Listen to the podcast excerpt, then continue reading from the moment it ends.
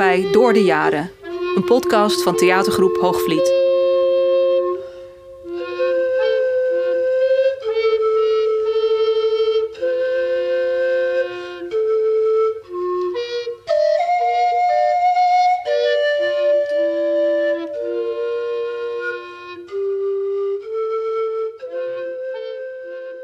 Toen ik jong was, ging ik vaak dansen.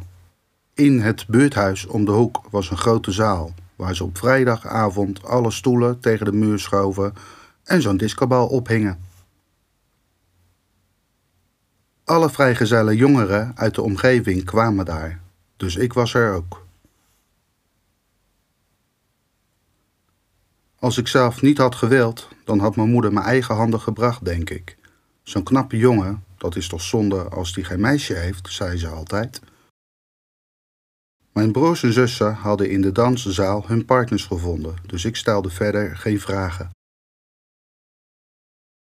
Ik kon goed dansen, daar had mijn moeder wel voor gezorgd. Zodra ik veertien was, moest ik op dansles om de foxtrot, de wals en de cha-cha-cha te leren.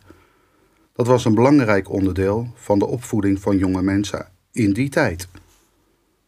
Tegenwoordig dansen ze allemaal los van elkaar, door elkaar heen, jongens, meisjes, weet ik veel. Dat was toen ondenkbaar. Op een avond stond ik voor de spiegel om me klaar te maken voor de avond. Ik stopte mijn overhemd in mijn broek, deed mijn stropdas goed en bekeek mezelf nog eens. Mijn volle bos haar zat goed in de krul. En ik mocht er wel wezen, vond ik zelf. Gebrek aan zelfvertrouwen had ik gelukkig nooit gehad. In de danszaal was de avond nog niet echt op gang gekomen. De meisjes zaten keurig te wachten met hun balboekjes en de jongens durfden mondjesmaat een van hen ten dans te vragen. Ik snapte dit dus echt niet, hè? Wie wordt er nu verlegen van vrouwen? Ik heb ze altijd een stuk prettiger gevonden dan mannen. Ze zijn begripvol, zacht en je kunt er heerlijk mee praten. En mee dansen natuurlijk. Fantastisch. Ik zag mijn buurmeisje Anneke zitten en besloot haar ten dans te vragen. Anneke en ik brachten al sinds onze kindertijd veel tijd samen door. Een beetje ongewoon was het wel, maar ze was mijn beste vriend. Anneke was altijd heel blij als ik met haar wilde dansen.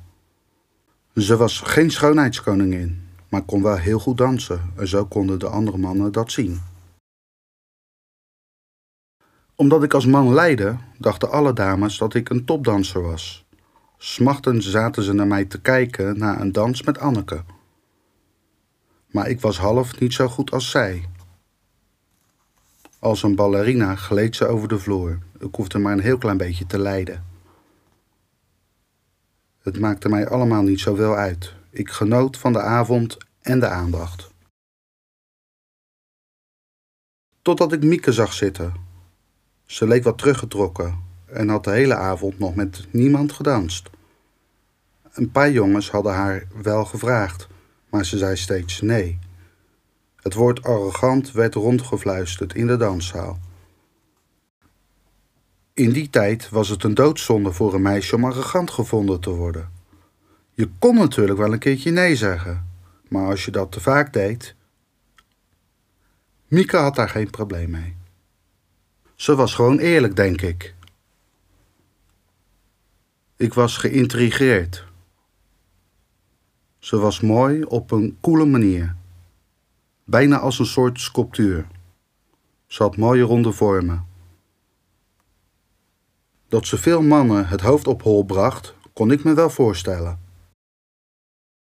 Ik besloot het ook eens te proberen en tot mijn grote verbazing zei ze ja. Ik begreep er niets van, maar kon mijn geluk niet op. Zeker niet toen ik de jaloerse blikken van de andere jongens in mijn rug voelde.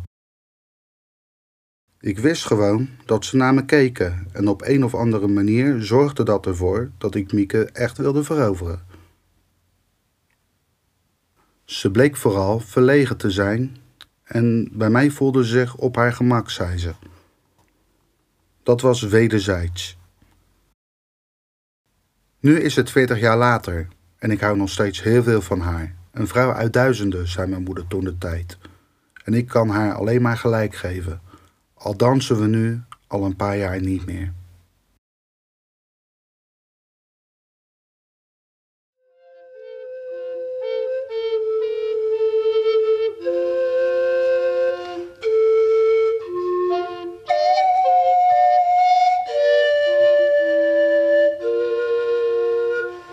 Heeft geluisterd naar Dennis Klein. Deze podcast is een productie van Schaap op de Noordpool.